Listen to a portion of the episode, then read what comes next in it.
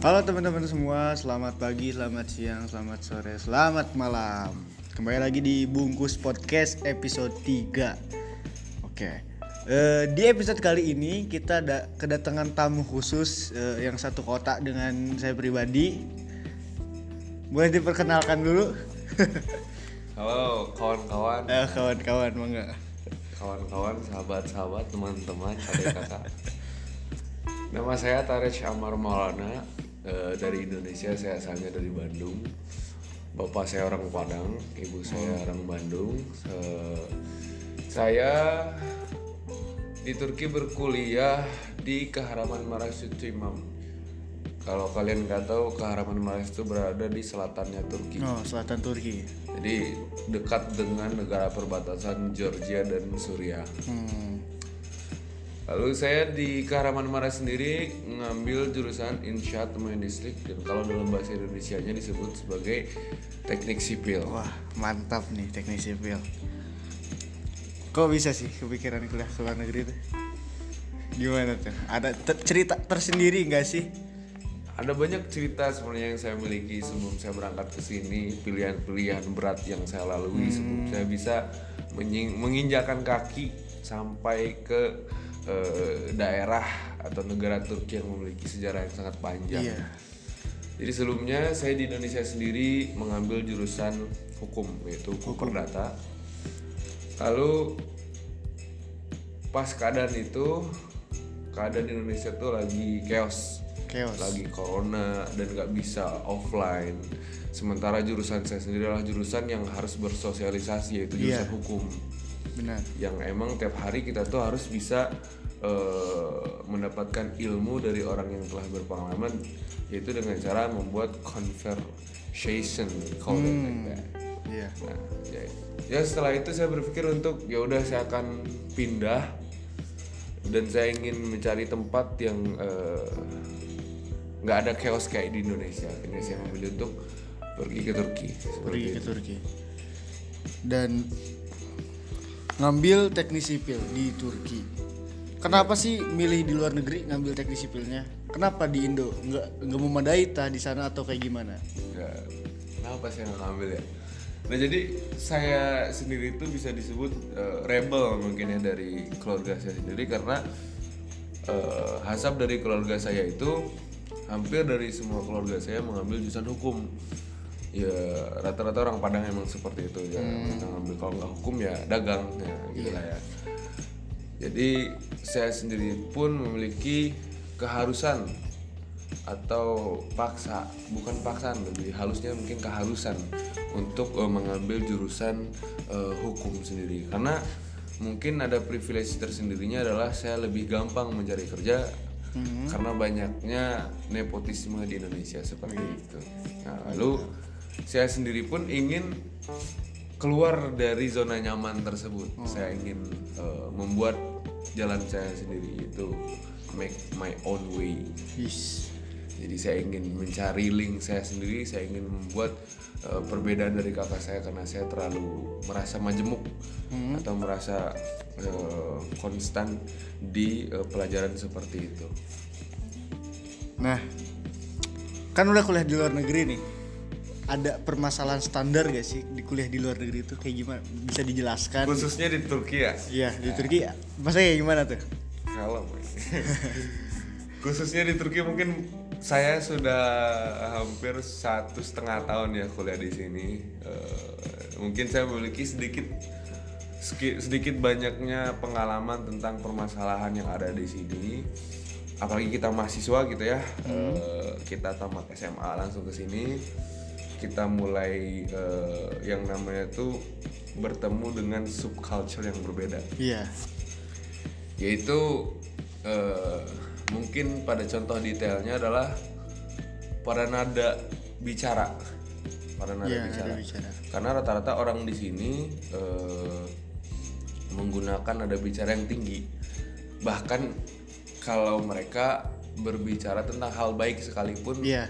mau mau bahagia mau happy mau marah ya tetap marah aja nadanya tetap Beda banget kayak di Bandung berarti. Iya, karena di Bandung sendiri kan eh, di kota saya sendiri kan ada yang namanya apa ya eh, culture untuk berbicara lebih halus Iya benar. lembut apalagi perempuan seperti itu nah pas saya sampai di sini saya menemukan hal itu itu yang pertama yang kedua adalah permasalahan terbesar bagi orang Indonesia sendiri bukan hanya orang Bandung yaitu makanan di sini Iya. nah makanan di sini itu sangat sangat berbeda Sangat beda. karena kita mungkin jarak dari Indonesia ke sini itu ada 9000 km ya. jauh Jadi culture antara antara makanan mereka orang Turki ini lebih dekat ke arah orang Eropa. Hmm. Jadi mereka lebih menyukai roti daripada nasi. Iya, nah, itu sih masalah juga. permasalahan terbesar saya sampai di sini. Sedangkan orang Indonesia kalau gak makan nasi belum makan kehitungnya. Iya, jadi mau makan roti berapapun ya tetap aja. Iya.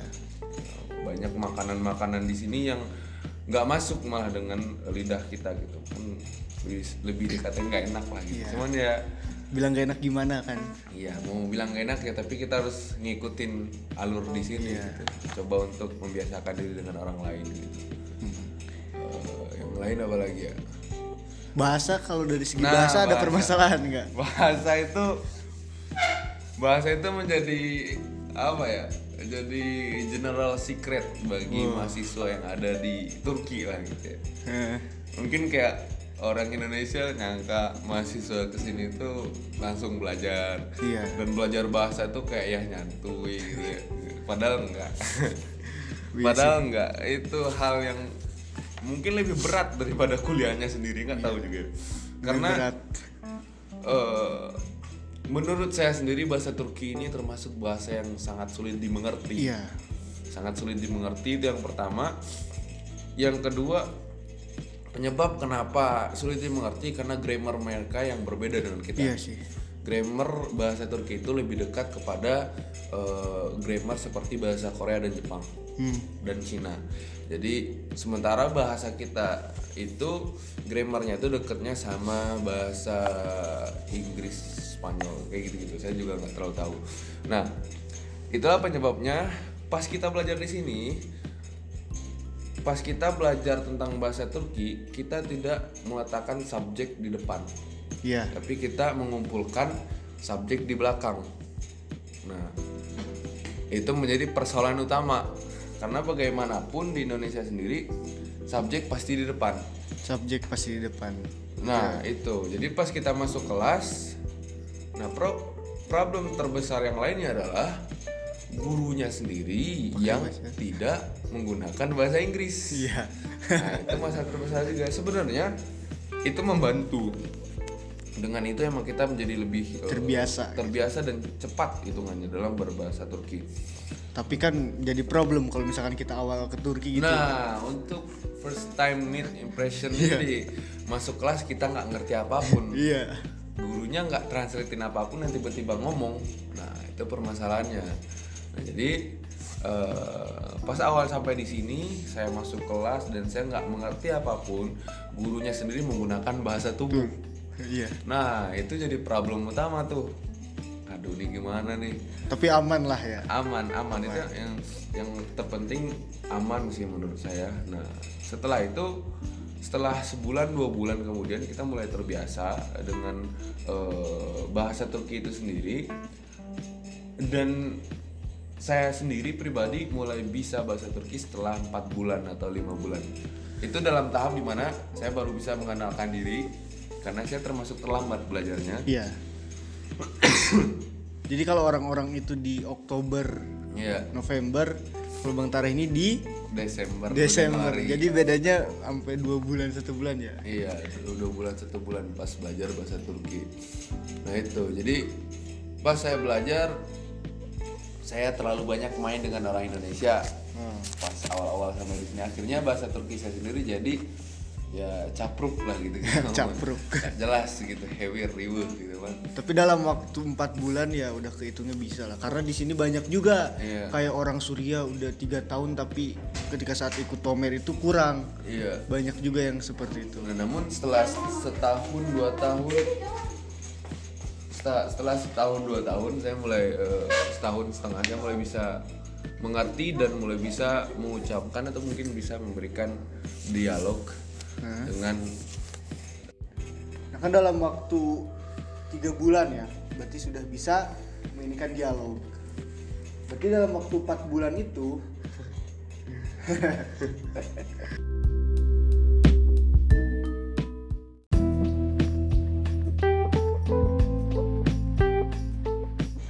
berarti dalam waktu tiga bulan sudah bisa berdialog.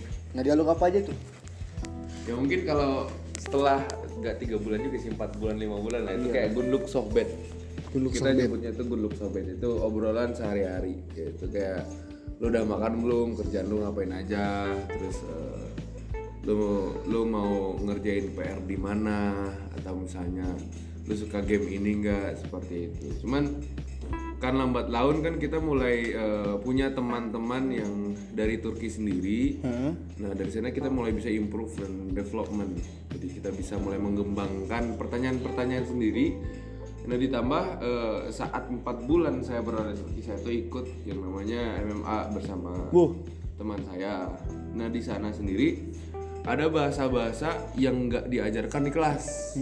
Bahasa-bahasa yang kita nggak bakal mengerti di kelas itu bahasa-bahasa masyarakat di sini. Jadi kalau di Turki sendiri kan bersifat head, eh, homogen, nggak seperti Indonesia yang bersifat heterogen itu banyaknya suku-suku dan subculture di sana. Sementara di Turki sendiri culture itu nggak banyak, cuman aksen mungkin yang agak berbeda seperti itu. Nah, jadi kalau misalnya kita belajar eh, dan berteman dengan eh, masyarakat sendiri eh, yang khususnya anak muda, mereka memiliki bahasa-bahasa slang atau aksen dari kota masing-masing. Nah, dari sana saya mulai bisa nge-improve eh, banyak bahasa, mulai bisa nge-input ke dalam otak saya.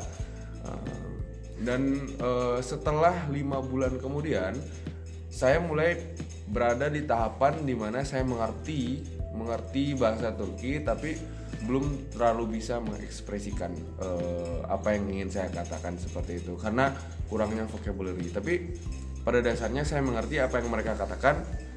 Tapi gak bisa kayak ngomong. ngejawab Nah, gitu ya? lah lagi nih? Eh, sesuai ekspektasi gak sih kuliah di sini? Oh gimana ya?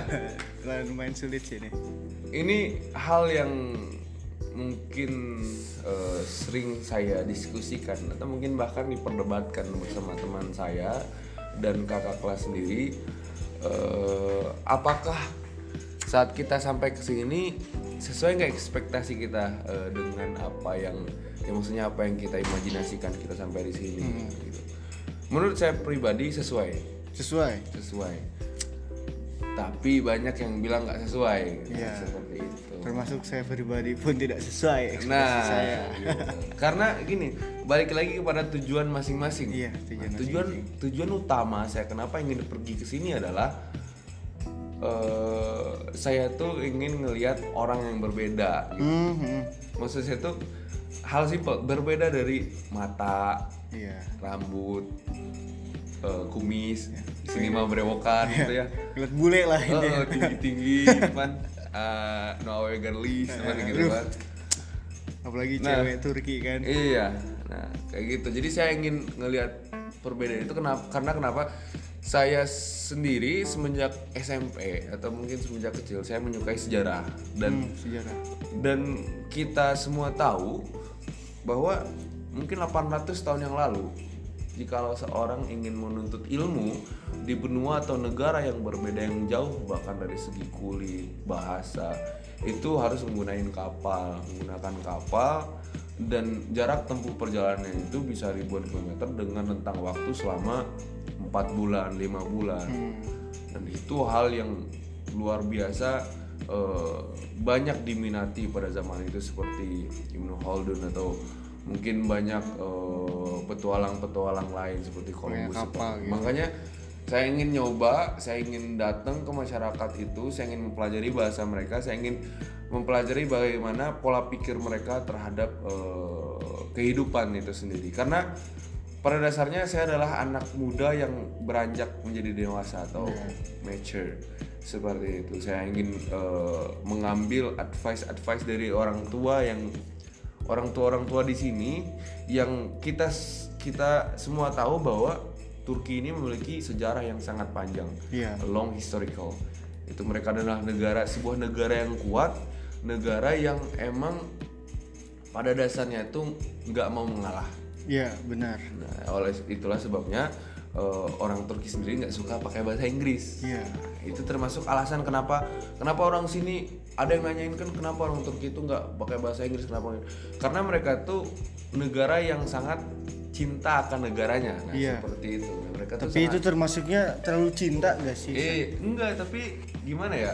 Itu menjadi problematika juga. Oh, Soalnya problematika. sebelum ini, sebelum tahun 19 1960 ke atas, Turki ini adalah kerajaan atau dinasti yang luar Iya. biasa besar. Mereka menguasai daerah seperti eh, per- perbatasan antara Eropa dan Asia ini selama 600 tahun. 600 tahun.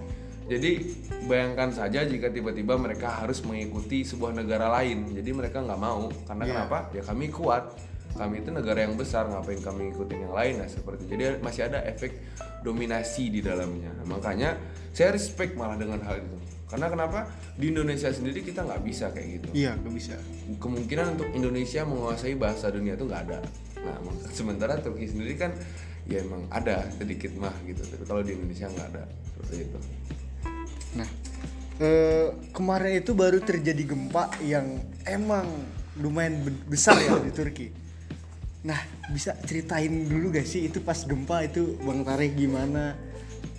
Bang, Nah inilah musibah yang emang datang ke kita ya, yang emang dibilang bisa dikatakan tuh sebagai hal yang tak terduga, iya tak terduga banget. sangat tidak terduga seperti itu ya. Karena eh, Turki itu nggak terlalu memiliki banyak eh, sejarah tentang gempa Iya. bencana alam seperti gempa tuh nggak terlalu banyak di sini dan itu hal yang nggak bisa kita eh, kita ekspektasikan di sini. Nah itu. Jadi saat gempa itu sendiri semua yang kalian dilihat di berita ada yang oh apa di berita ada bangunan hancur. Nah pusatnya itu di kota saya. Di Kahramanmaras itu ya. iya. Nggak tahu dosa Berarti- apa yang kita buat. Tapi emang itu gede banget dan nggak tahu kayak ngarah gitu. iya Pas banget di kota yang sedang ditinggali. di rumah saya rumah saya hancur ke tanah Di tanah. iya Tapi itu pas gempa gimana tuh? jadi kan Bisa diceritain gitu? gimana ya saya tuh memiliki traumatis terbesar tentang gempa ya Oh karena dulu eh, pernah denger-dengar Bang Tara ini pernah mengalami gempa di Padang. iya nah itu jadi pas masih kecil dulu saya pernah tinggal di Padang nah saya tuh ngerasain gempa di sana saya ngerasain gempa dan ibu saya tuh hampir tertimpa mau hampir tertimpa tembok Hmm. saya nggak terlalu ingat cuman saya masih ingat traumanya bagaimana gitu nah pas sampai di sini saya nggak ya paling di sini tuh agak ada gempa cuman nggak sekeras itu cuman pelan-pelan doang Iya biasanya kayak gitu ya. gitu doang nah tiba-tiba tanggal 6 Februari 6 Februari. tahun 2023 Iya, waduh. tahun baru jam 4 Jam 4 ih itu. 4.17 saya mah inget detik ke 20 soalnya jadi keadaannya itu saya lagi nggak di rumah eh, sama teman-teman rumah saya saya eh, pokoknya intinya saya nggak lagi di rumah saya saya ke rumah teman saya Lagi nginep lah di rumah Iya. teman gitu. nah kami di sana tuh ada eh, sekitar 7 atau 8 Tujuh orang. Iya. Nah, pas sudah jam 4 semua teman saya sudah tertidur. Iya, saya tertidur. Nah iya, nah sementara saya sendiri kan emang agak sering bergadang gitu Iya. ya kan. Nah pas lagi main game, Ini gak apa-apa kan sambil ketawa-tawa gini biar lebih apa-apa enjoy dong, lah ya. nggak apa-apa dong, Biar iya. gak terlalu serius kita cerita tentang Iya gempa ya. Iya, ketawainnya ini hidup apa. nah iya, nah itu pas itu saya eh langsung ngerasain gempa itu pada detik ke 20 itu di jam 4.17 saya langsung bangunin teman saya teriak yang dalam keadaan lampu langsung mati tuh nah saya langsung injek-injekin kepala teman saya soalnya saya nggak tahu gimana cara banguninnya Ya karena kalau dibangunin gitu bisa jadi dia gak bangun malah Iya, bahaya juga dan- kan. Dan ini faktanya bahwa hampir semua teman saya itu kalau tidur mati, Kayak gitu lah. Kelihatan mati gitu. Iya, dioyak mati. Apalagi yang ini, yang interview saya nih. kalau saya pribadi itu untungnya dibangunin tetangga. iya. Iya, itu kan masalahnya di sana. Ada yang di gempa apa? Gempa pertama masih tidur. Untungnya bangunannya nggak runtuh. Iya, alhamdulillah itu sih. Iya. Nah, saya bangunin teman saya. Saya langsung lari ke arah pintu. Arah pintu. Oh, itu siap-siap pak- apa? Bawa barang dulu. Oh, nggak? enggak dong. Oh, enggak. Oh, berarti langsung lari. Langsung lari. HP gak dibawa? Enggak. Gempa pertama apa enggak dia benar nyelamatin nyawa. Soalnya gempanya itu kita saking nggak bisa menjelaskannya itu ya karena saya deket gunung tuh lagi nginep Hmm, iya saya ya. Daerah Uri itu deket gunung ya. Iya deket gunung. Jadi pengibaratannya seperti inilah semut dimasukin ke gelas lah Iya. atau ke botol terus dikocok-kocok. Nah gitulah kita. Dalam keadaan lampu mati juga. Oh, lampu mati. Lampu mati. Berarti daerah sana itu mati ya Iya lampu. lampu langsung mati kalau di daerah buru ke atas kan. Daerah kita alhamdulillah enggak sih lampu. Ya kan karena kita agak jauh dari pusat kota. Hmm. Kita nyebutnya itu daerah Binefler. Binefler. Sementara pusat kota itu sebutnya Merkes. Nah, dalam keadaan itu lampu mati, kita langsung lari ke pintu, mentok-mentok ke dinding.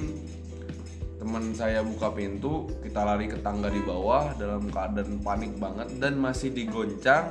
Iya. Itu badan terpental-pental ke tembok, ke dinding, ke pagar, nyampe ke bawah. Saya beneran mikirin apakah saya bakal hidup gitu ya masih terpikir hal itu sampai kita lari di bawah pas nyampe lantai satu saya langsung lari dan itu hal yang nggak kita sadari bahwa sekarang lagi salju nah Hmm. Iya, bener. itu Berarti pakai sepatu enggak?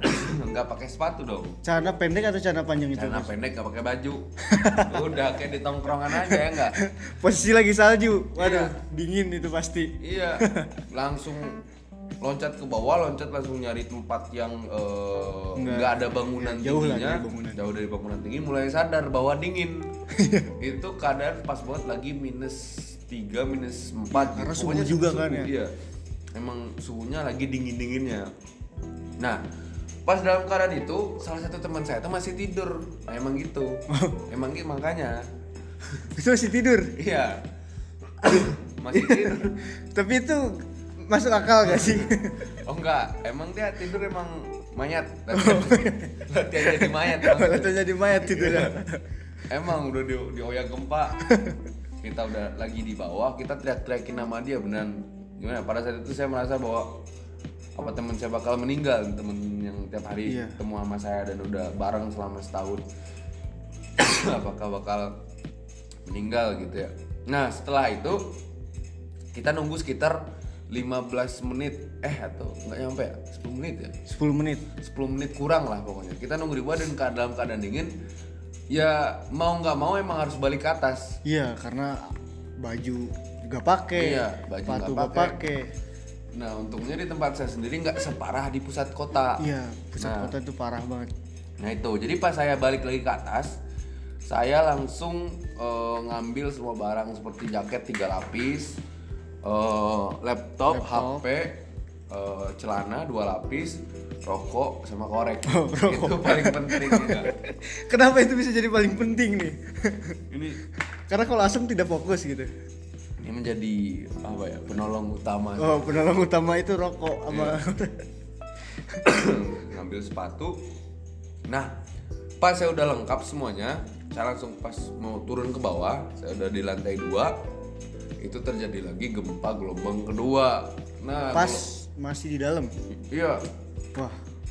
Tapi gempa kedua juga lumayan besar kan? nah iya gempa pertama tuh sekitar 7,8 atau 9 magnitudo nah sementara gempa kedua atau gelombang kedua itu sendiri sekitar 7,6 Eh, itu sama-sama gede sih. itu. Ya sama-sama gede. Nah, pas saya di lantai dua tuh lagi gempa, gempa lagi, terus ada nenek-nenek lagi jalan. Yo, ada nenek lagi jalan. Iya. Nah, teman saya sendiri tahu kalau saya larinya kenceng ya. Iya. Pas ngeliat nenek-nenek lagi jalan, selangkah-langkah, selangkah gitu dia Iya. eh, nurunin tangga. Sebenarnya ada 50% pengen nolong gitu. Ada Cuman dalam keadaan gemeter, Iya. terus trauma sama gempa dulu. berarti gak ditolongin tuh nenek. tapi tapi kan emang kita kalau dihadapin sama situasi kayak gitu ya pasti kita lebih milih nyelamatin diri sendiri dulu Iya, kan Nyelamatin diri sendiri dulu. Cuman saya langsung lompatin nenek itu kan langsung lompat. ini dijadiin film keren ini. iya dilongkain palanya iya soalnya udah deg-degan parah kan nyampe Iya sih. nyampe bawah kan ah untungnya nenek ini selamat nah, itulah Selamat. Diselamatin sama temennya atau gimana? enggak untungnya bangunan di sana tuh emang bangunan tua ya daerah Binefler atau eh, tepatnya Urin itu kan daerah-daerah udah lama dan eh, bangunan di sana malah nggak ada yang runtuh malah. Oh, malah yang lebih banyak yang runtuh itu daerah-daerah yang bangunannya baru. Nah, seperti itu. Nah pas saya udah nyampe di luar saya udah lengkap tapi saya dalam keadaan itu tuh berpikir bahwa gempanya itu udah mah lama. Iya. itu yang pertama udah mah lama angin kenceng eh apa langit merah. Iya, langit merah. gempanya dioyak gila kayak dangdutan gitu kan saya ngerasa kalau itu kiamat Sama saya juga saya ngerasain. ngerasanya itu kiamat Tapi di sana ada kebakaran nggak? Hah? Di sana ada Di sana kebakaran. ada kebakaran itu Nah, kalau di daerah kita tuh ada kebakaran. Jadi emang bener, waduh ini kiamat dah. Jadi emang bener kayak kiamat gitu. Orang teriakan. nah itu emang itu sih saya ngerasain bahwa ini gempa itu kan termasuk kiamat kecil ya Iya. Nah itulah fakta yang harus kita ketahui bahwa kalau emang hari itu terjadi, maka pada saat itu nggak ada yang bakal bisa nolong kita. Iya. Bahkan saudara mau ada mau ini juga nggak bakal bisa nolong. Kita emang memfokuskan untuk melindungi diri sendiri. Nah dari sana saya belajar bahwa wah ini udah deket, eh apa?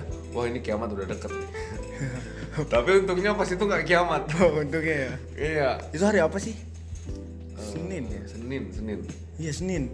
Iya, karena karena kemarin kita masih senang-senang. Iya, Hari Minggu. masih masih main-main. Nah, case-nya kenapa yang saya lebih ribet gitu ya, lebih maksudnya lebih chaos gitu ya dalam beberapa aspek gitu. Kita tinggalnya deket gunung, Hmm. ada kayak pegunungan gitu. Jadi takutnya beres gempa langsung datang longsor. Nah, kan di ulti gitu sama Tuhan. di ulti. Kebanyakan jedak jeduk. Tapi untungnya tidak di ulti.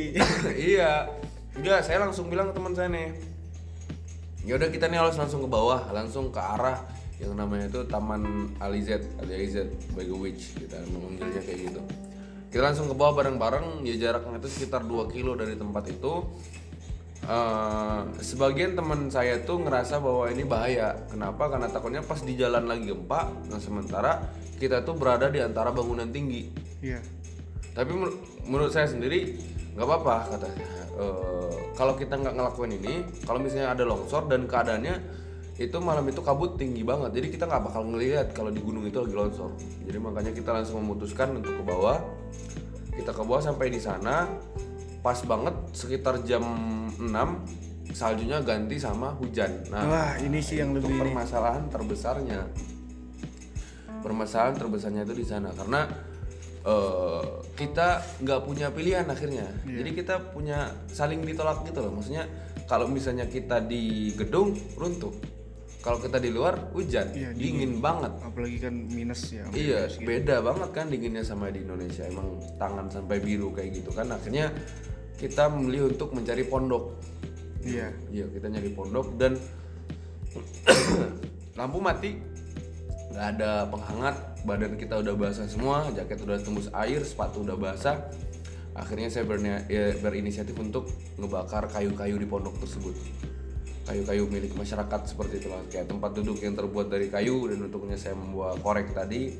Akhirnya saya membakar kayu itu dan Nah, akhirnya penting kita- juga ternyata korek di bawah ada manfaat ya. penting dong apalagi rokok iya dan akhirnya kita bermalam di sana sekitar satu hari nah akhirnya baru kita eh, berkumpul dengan teman-teman Indonesia di tempat lain nah seperti itu nah cuman eh, fakta ya mungkin yang saya dapat sampai sekarang ya kita berdelapan ya berdelapan ya gue ya Berapa ya? Iya, berdelapan. berdelapan itu nggak ngerasain lapar emang karena mungkin trauma ya Iya sih. atau deg-degan parah kita nggak ngerasain lapar sama haus Pasti sih kita lebih nggak mikirin ngerasain pengen berak juga nggak dari tempat aman sih.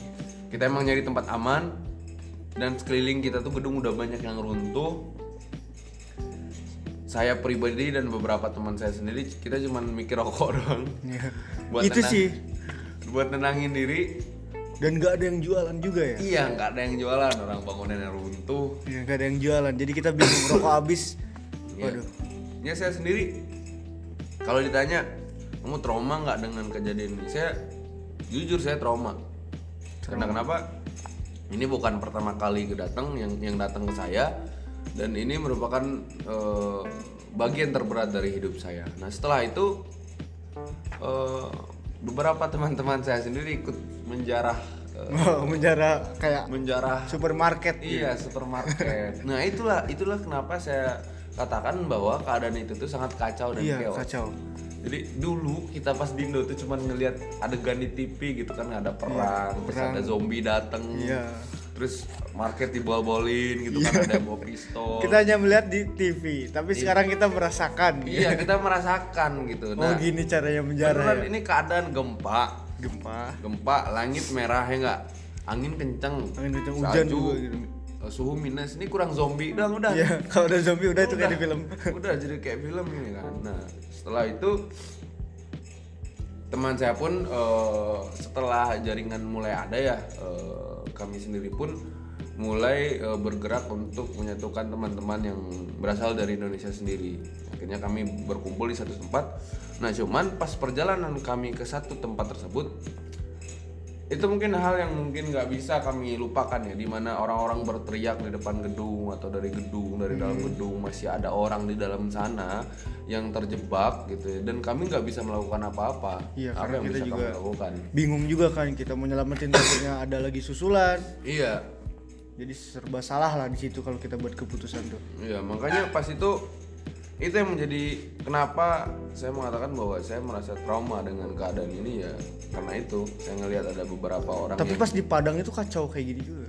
posisinya pas itu saya masih kela- kelas 1 SD jadi nggak terlalu Oh, jadi terlalu ingat. keadaan itu ya nah cuman kan kalau sekarang beneran ngerasain beneran nolongin beneran nolongin ibu-ibu beneran ngedengerin beneran ngelihat di depan mata langsung gitu kan dan yang pertama kali ngerasain gempa juga saya gitu nah gitu Iya. jadi makanya eh, saat ini saya setiap tidur setiap setiap tidur misalnya malam atau siang tuh Ya kayak was-was gitu. Iya was was kayak takut ada gempa dan saya masih eh, memilih untuk tidur deket pintu gitu ya biar Langsung kabur. iya langsung kabur. Nah, nah untungnya eh, kita sebagai mahasiswa Indonesia yang berada di sini itu merasa sangat nyaman ya dengan eh, Ya apa yang kebijakan yang diberikan oleh kedutaan Indonesia di sini.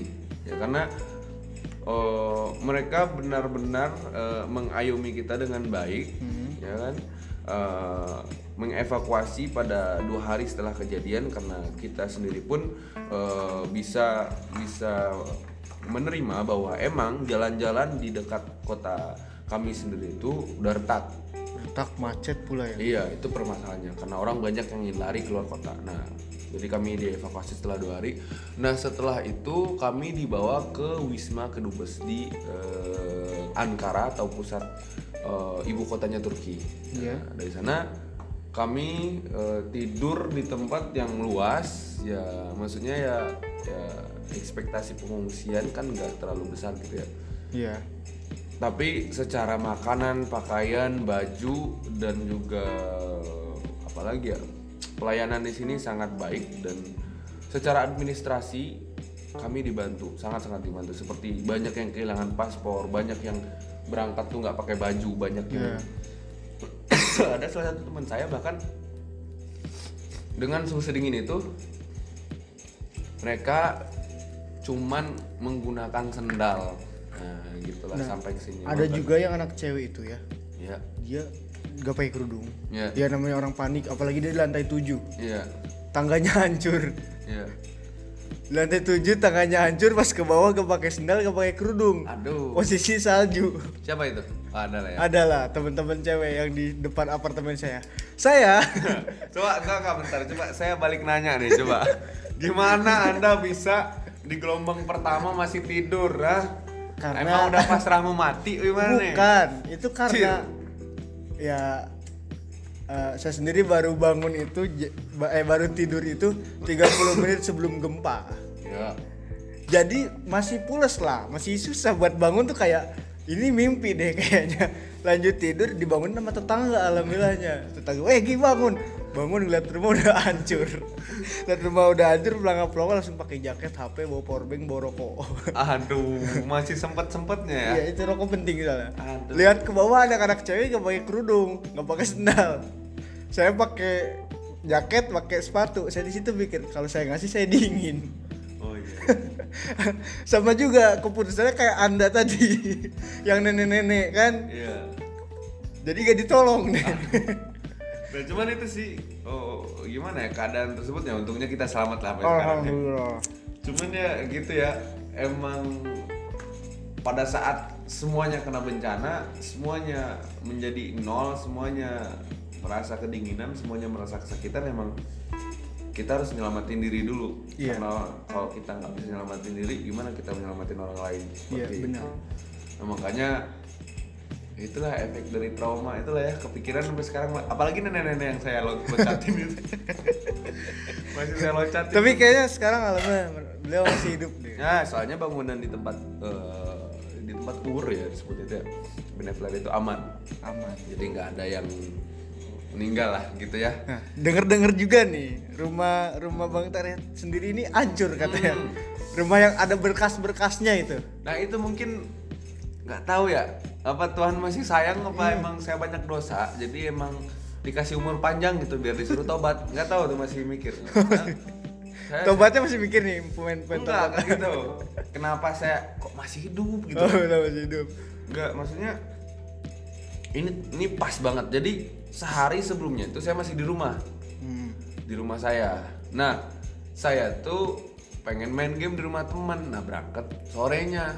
Sorenya bro. Nah, paginya gempa rumah saya yang kami bertiga doang di sana itu hancur sampai ke tanah. Salah satu teman saya kakinya kipit batu. Iya. Dan itu gempanya di gelombang pertama dan langsung ngancurin rumahnya sampai ke tanah. Parah sih. Kebayang kalau misalnya saya tidur, mungkin saya nggak akan bisa ngobrol lagi di podcast ini.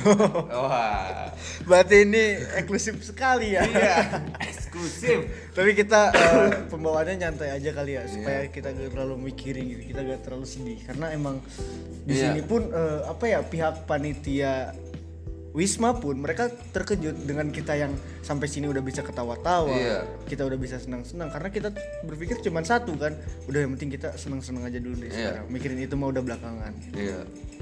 Gini Nah, aja. ini ada ada pertanyaan juga nih Bang Tare. Kan udah jelang beberapa hari nih. apa tuh ya? sampai detik ini nih, sampai sekarang nih. Iya. Trauma masih ada. Mungkin eh, secara pribadi saya lebih trauma daripada yang lain.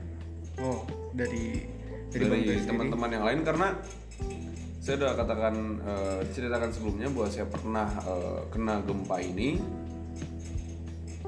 Dan yang kedua eh, pengalaman saya pas hari gempanya itu adalah saya nggak bisa tidur selama kurang lebih dua atau tiga hari lah kayak gitu ya. Jadi rasa was was yang emang gila ditambah yang kedua eh, gimana ya pada saat itu saya masih mikirin aduh saya nggak bisa mati nih sekarang soalnya dosa masih banyak anjir ini kalau mati langsung ke neraka ini Tapi nih ya, dengar-dengar ini kejadian yang hampir mati itu ada beberapa kali nih di Bang Tare. Aduh. Ini bisa diceritain gak nih? Ini menarik nih. Aduh. Jadi itulah ya eh, pengalaman di Turki gitu kan negara yang besar, negara yang maju, otomatis eh, ada salah satu teman saya berbicara bahwa makin terang cahaya terus makin gelap bayangan. Iya, makin gede juga. Jadi makin maju sebuah negara, makin banyak hal-hal hitam di belakangnya gitu lah. Kita bisa menyebutnya kayak gitu. Jadi pas saya sebelum kena gempa ini sebenarnya kematian tuh udah sering mendekati. Makanya Sering trauma mendekati. itu udah gimana ya? Udah nggak udah nggak bisa dibawa psikolog ini. Oh, udah gak bisa. Udah nggak Psikolog bisa. udah angkat tangan ini. udah up ini mah udah nggak bisa kejadian sebelumnya saya sama teman saya tuh pernah tabrakan Oh iya. hampir meninggal Itu mobil sampai keguling-guling ya. iya Dengar-dengar. seperti itu. Waduh. Ya, cuman itu nggak usah dilanjut ya itu aib juga Itu aib. Terus yang kedua, saya pernah Oh, ditodong ditodong di Turki. di Turki di depan rumah. Saya pernah ditodong pistol dan itu pertama kali seumur hidup. Ya pokoknya hal-hal di sini beneran hal-hal pertama kali seumur hidup. Ibaratkan di Indonesia cuman kalau bawa mobil atau bawa motor itu cuma nyerempet. Nah, kalau di sini itu pargoy. Ya.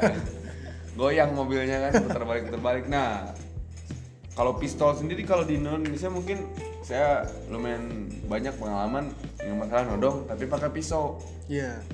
Pas di sini Eh, pistol. itu udah kesetun sih kalau pistol. Oh, udah nggak bisa gerak. Langsung abiyok, abiyok, abiyok, banja.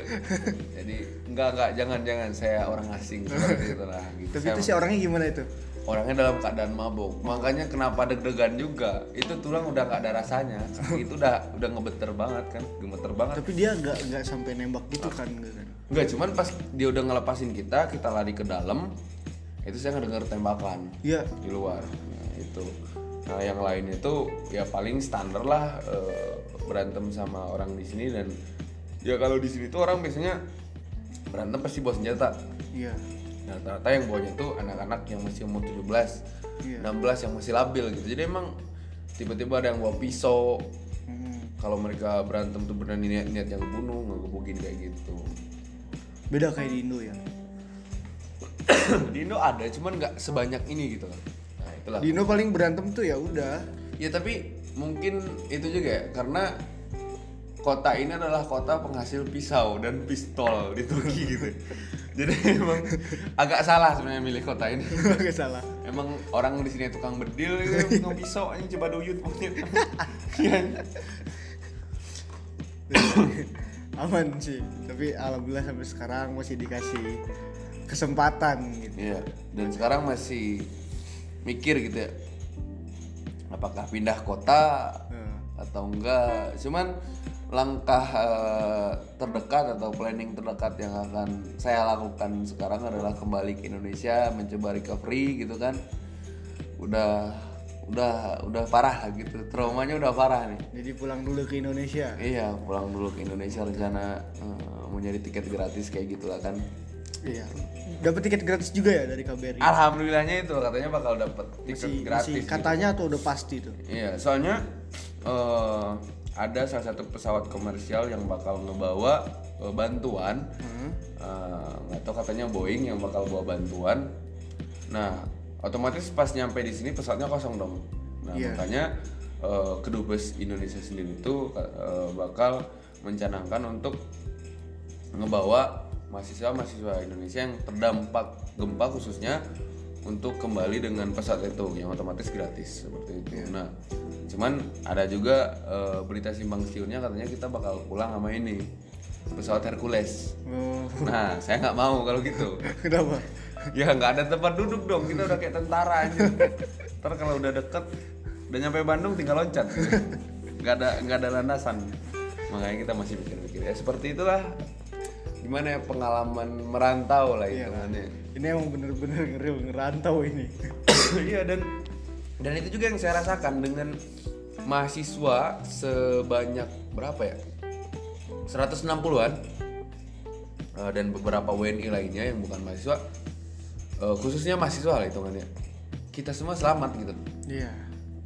Bahkan dalam keadaan di mana 22.000 orang meninggal di sini Iya, itu hoki sih. iya Bukan hoki sih, emang tak. hoki hoki beneran dari dua dari 2000 orang meninggal. 22.000 Tuh, 22 ribu orang meninggal tuh cuman orang Indonesia tuh selamat semua. iya Jadi aduh ada 22.000 korban dan 80.000 ini kalau 22.000 itu kan yang meninggal. Nah, 80.000 itu luka-luka parah.